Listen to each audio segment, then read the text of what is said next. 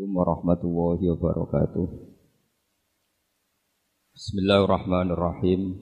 Allahumma salli wa sallim ala sayyidina wa maulana Muhammadin wa ala alihi wa sahbihi asma'in nama ba'du. Ingkang sangat kula hormati Mbah Kawula Gus Syihab Gus Zaim sedanten keluarga Kiai Haji Maksum. Kula niku pernah putu kalian Gus Syihab, Gus Zaim mergi kula numpun generasi ke-6 napa ke-7 saking Mbah Maimunah garwanipun Mbah Umar. Di kula rawuh mriki niat hormat Mbah Maksum mergi keluarga sedanten nate ngaos kalian Mbah Maksum. Kula piyambak dados kebanggaanipun keluarga Bilih Mbah Maksum termasuk tercatat tenggene A'lamul Makin. Terus tiang-tiang Jawi sing namine Mudawan dibukukan tenggene kitab-kitab teng Mekah termasuk cetakan-cetakan Darul Minhad sing dicetak teng Jeddah. Niku keluarga Lasem termasuk nyumbang paling kathah. Yang mriku wonten Mbah Maksum, Mbah Bedowi, Mbah Sidik, niku keluarga-keluarga Lasem ingkang dicatet teng A'lamul Makin termasuk pun cetakan Darul Midhat sing notabene nggih radi-radi Wahabi. Terus radi niku mboten pati tenanan, mergi tradisi teng Mekah niku ulama-ulama Wahabi nggih hormat kalian kita. Kula gadah kitab namine uh, Al-Futya Al-Ulya li Hayati Kibari Ulama'i Saudiyah niku teng mriku teng masa Ilul Haji niku gak nyebut ulama-ulama Indonesia termasuk Syekh Nawawi Banten, Syekh Mahfud Termas.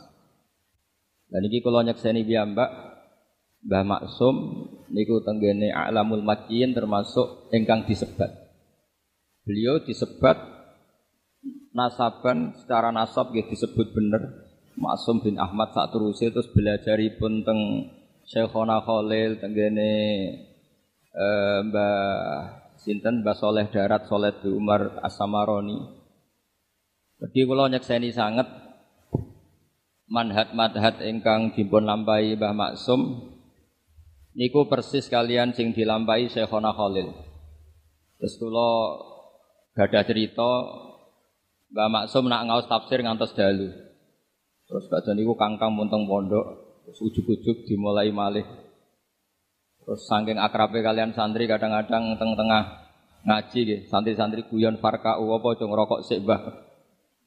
Yang paling kenal kenang dari cerita-cerita kiai-kiai sing naos ngaji Mbah Maksum niku nak ngaos ngangge kopi, ngangge apa mu agung. Terus santri tiga ngunjuk, santri ini ngombe tenanan tapi dintekno dari Mbah Maksum entekno aku sisani. Padahal nyongkone santri niku tabarruk kalian Baqiyah utai asare Mbah Maksum.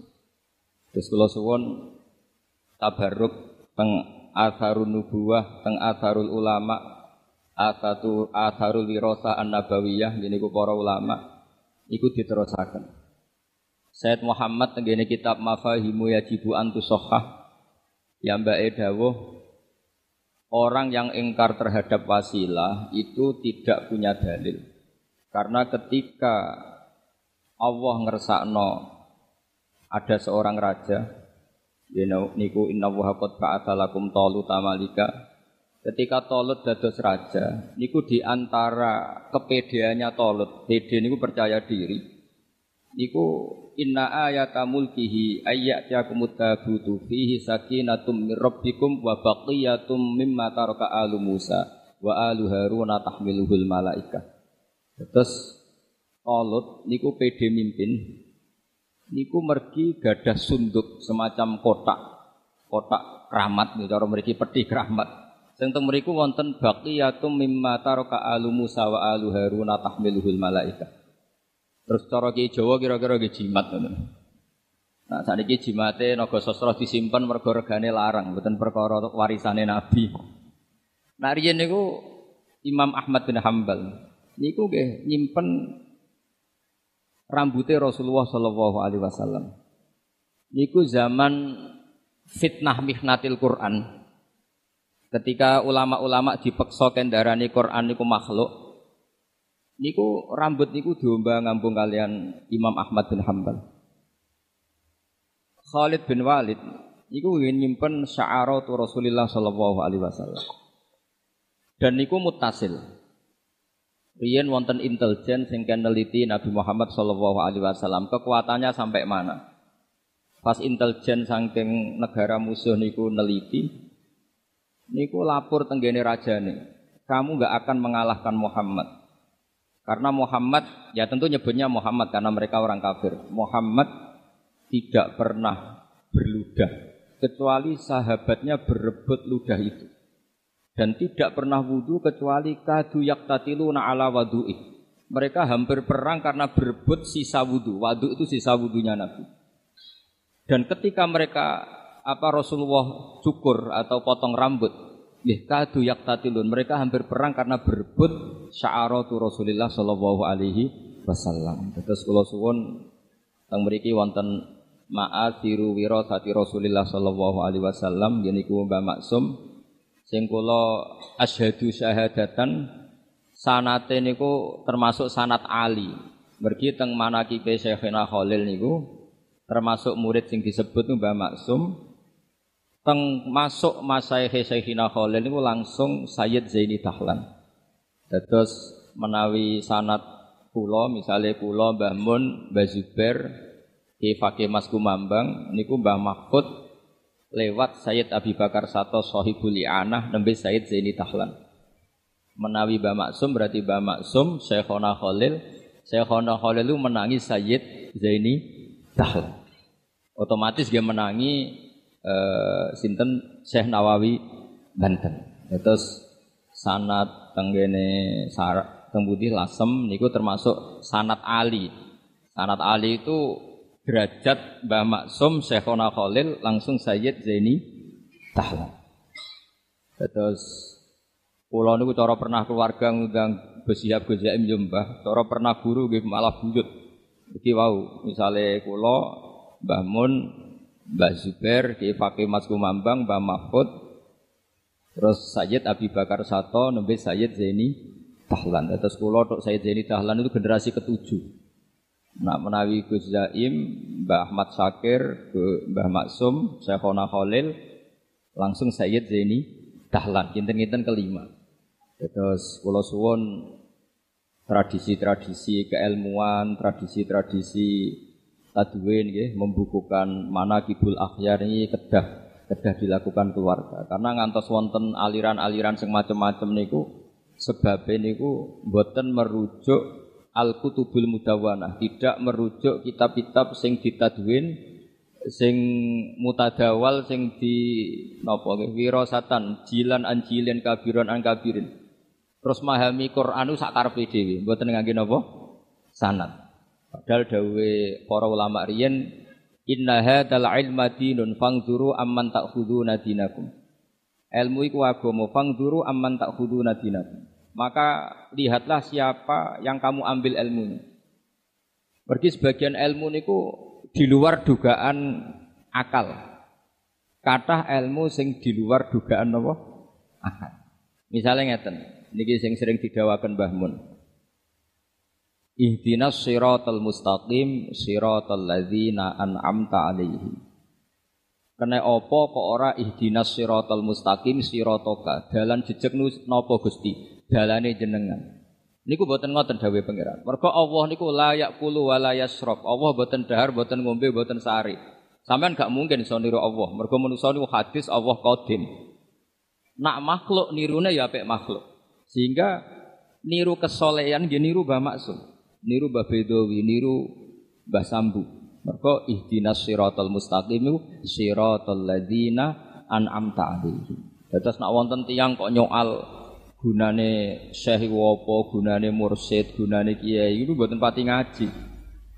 Mulane pepatah tengene dunia toreko man apa? Orang sing man ta'allama bila syekhin fasehuhu seton. Orang yang belajar tanpa guru, guru sing mu'tamad Niku gurune setan. Kok Allah dawakan dalan lurus itu dalane sapa? Ihdinas siratal mustaqim siratal ladzina an'amta alaihim. Terus Selama orang itu manusia, maka dalam kebaikan itu pasti butuh master, butuh percon, percontohan. Mergi nak buat nenten percontohan sing didawakan ulama, sing ditakwil kalian ulama, niku orang akan memahami secara salah. Kulo memberi contoh secara gampang. Niki sebagai uh, fakhr kulo, bangga kulo teng Mbah Maksum. Rasulullah Shallallahu Alaihi Wasallam niku tofa rokiban. Beliau tawaf itu rokiban sambil berkendara.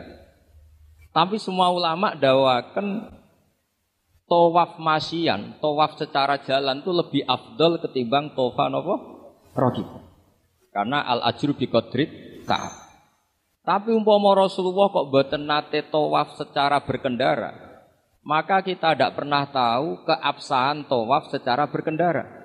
Akhirnya tiang-tiang sepuh yang pakai kursi roda, yang kita sepuh harus digendong. Niku mboten enten dalile. Tapi baru kayak Rasulullah nate tawaf rokiban, niku tiang-tiang sepuh sing ngasto kursi roda, ada dalilnya karena Rasulullah berken berkendara. Artinya ulama tahu bahwa ketika Nabi Tofa rokiban itu menjelaskan boleh, bukan menjelaskan afdoliyah status keutama. Maka Dawi pun Ibnu Hajar al Asqalani Nabi tawaf rokiban itu wajib bagi Nabi karena Nabi punya kewajiban menjelaskan secara ilmu biar orang tahu kalau tawaf rokiban itu sah atau boleh. Begitu juga Nabi, Nabi kadang waktu sholat itu namun istighfar salasan suman soroba, istighfar ping tiga terus bar. Kadang waktu subhanallah tiga tiga, alhamdulillah tiga tiga, wakbar tiga tiga terus wayakulu fita mamini ah wa akbar la ilaha illallah wa Nabi kadang wiridan sediluk itu wajib. Ben wong ngerti nak wiridan itu buatan wajib. Tapi nak sampean wiridan sediluk terus, itu keliru. Mereka ora tahu jadi rujukan. Tapi nak Nabi wajib, ben go iling-ilingan, nak ngono iku apa? Wajib. Wonten malih ini Dawe Fatul Bari ini contoh pentingnya ulama. Nabi nak badha salat niku akbala alal hadirin. Niku semua riwayat akbala alal hadirin madep total ngetan. Cara teng Indonesia kira-kira madep ngetan. Itu ulama mengatakan itu bukan sunnah yang mengikat dengan arti kita harus sepersis itu. Tapi Nabi ingin memaklumatkan bahwa sholatnya selesai.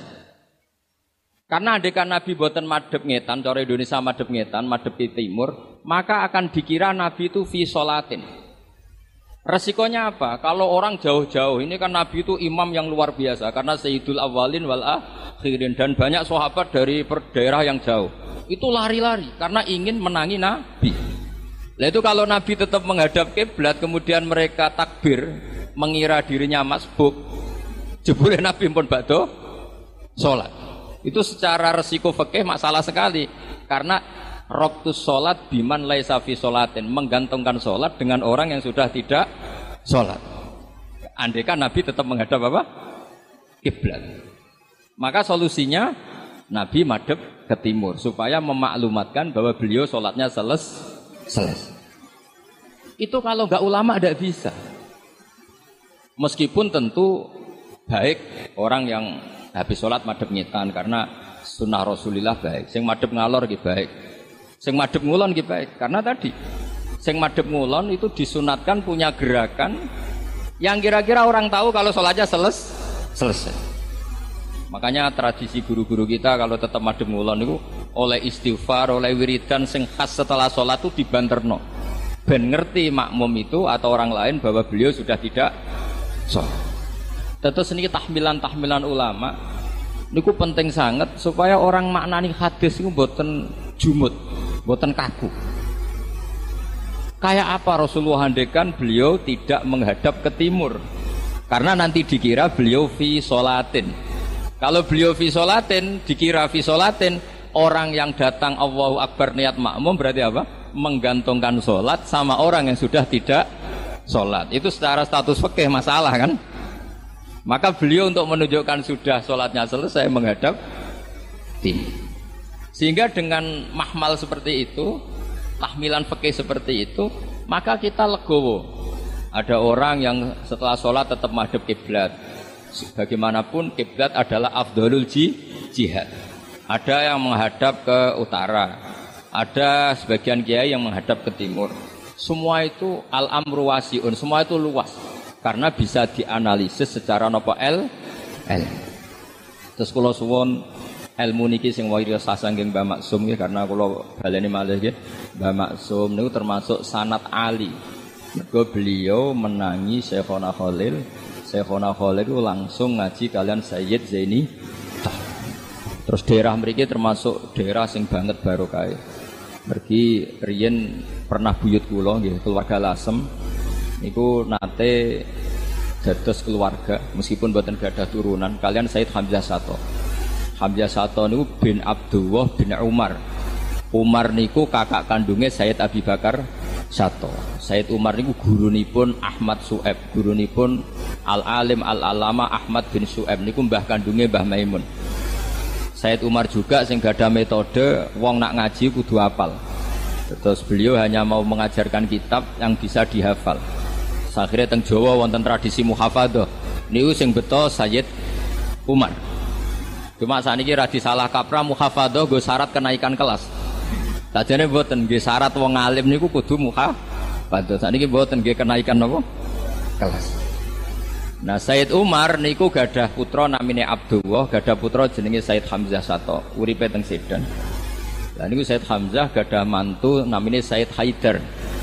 Haidar bin Hasan bin Sodakoh bin Zaini Dahlan. Terus daerah Lasem, Sarang, Sedan niku wonten cicite Sayyid Zaini Dahlan. Gini ku Haidar bin Hasan bin Sodakoh bin Zaini Dahlan. Niku pun Sayyid Hamzah. Mulane alhamdulillah teng Sarang, Lasem, Sedan, Naruan niku kitab I'anatu Talibin kados menu wajib berarti di beto kalian pernah putu-putu kalian Sayyid Abi Bakar satu terus kulo suwun wirosa wirosa ngeten iki terus kulo nganti saniki guys sering mau kitab Hujatu Ahli Sunnah wal Jamaah ingkang ditulis dening Bali Maksum Iyan Bali Maksum ngaos kalian Badim Yati Termas Badim Yati putrane di pondok teng Mbah Maksum sing Mbah Maksum putrane di pondok teng Badim Yati Badim Yati itu adik kandungnya Mbah Mahfud Terus kabeh niku min haitsun nasab was sabab niku dzurriyatam ba'duha min ba'd. Terus ngoten mawon ingkang kula aturaken ngapunten sanget. Assalamualaikum warahmatullahi wabarakatuh.